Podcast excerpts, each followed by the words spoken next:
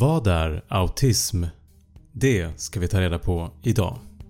Observera att den här videon endast förklarar kortfattat vad autism är för någonting och ger några exempel på olika kännetecken om en person har autism. Men kom ihåg att autismspektrumet är väldigt brett och diagnosen skiljer sig mycket från person till person.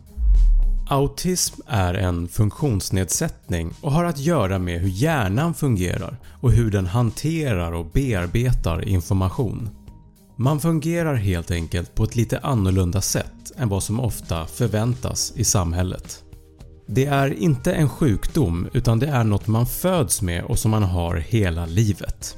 Och det har ingenting med intelligensen att göra.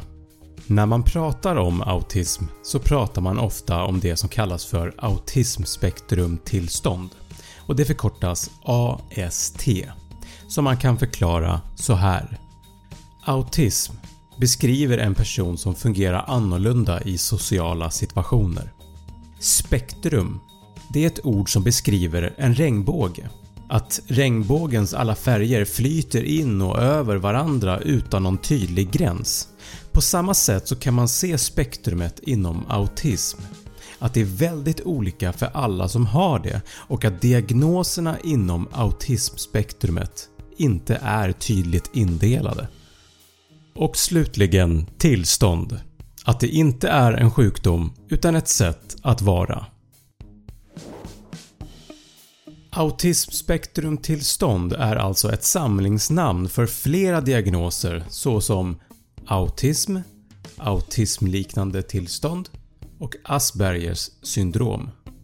Det är nämligen så att även om de här diagnoserna är olika så har de mycket gemensamt och de gemensamma egenskaperna kallas för autistiska. Därav så kommer jag använda ordet autism i videon för att hålla det enkelt. Vad har autism för kännetecken? Man har svårt med olika sociala situationer.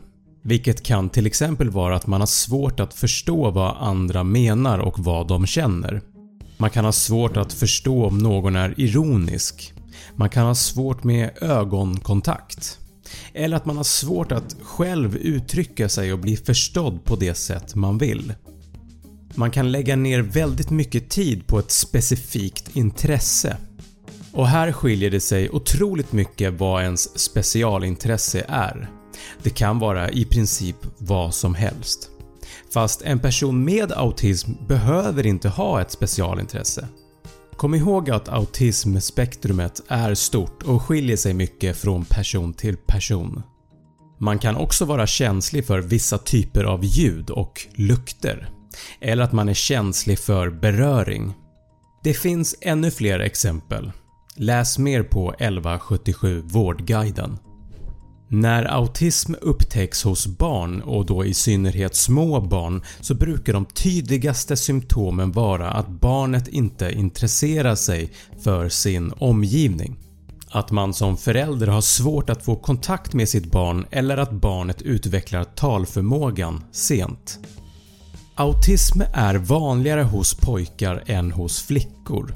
Man tror att det här beror på att flickor oftast får sin diagnos senare än pojkar samt att flickors symptom inte känns igen lika lätt som hos pojkar. I Sverige har mellan 1-2% av befolkningen en AST-diagnos. Som jag nämnde i början så är autism ingen sjukdom man kan inte bota autism utan det man kan göra är att underlätta vardagen och träna på de färdigheter man har. Men också att man tränar upp sin sociala förmåga, sitt språk och andra färdigheter som behövs i vardagen.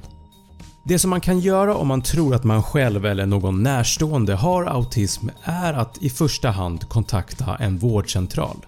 Där kommer en läkare göra en bedömning om det är så att du eller din närstående behöver utredas av en specialist.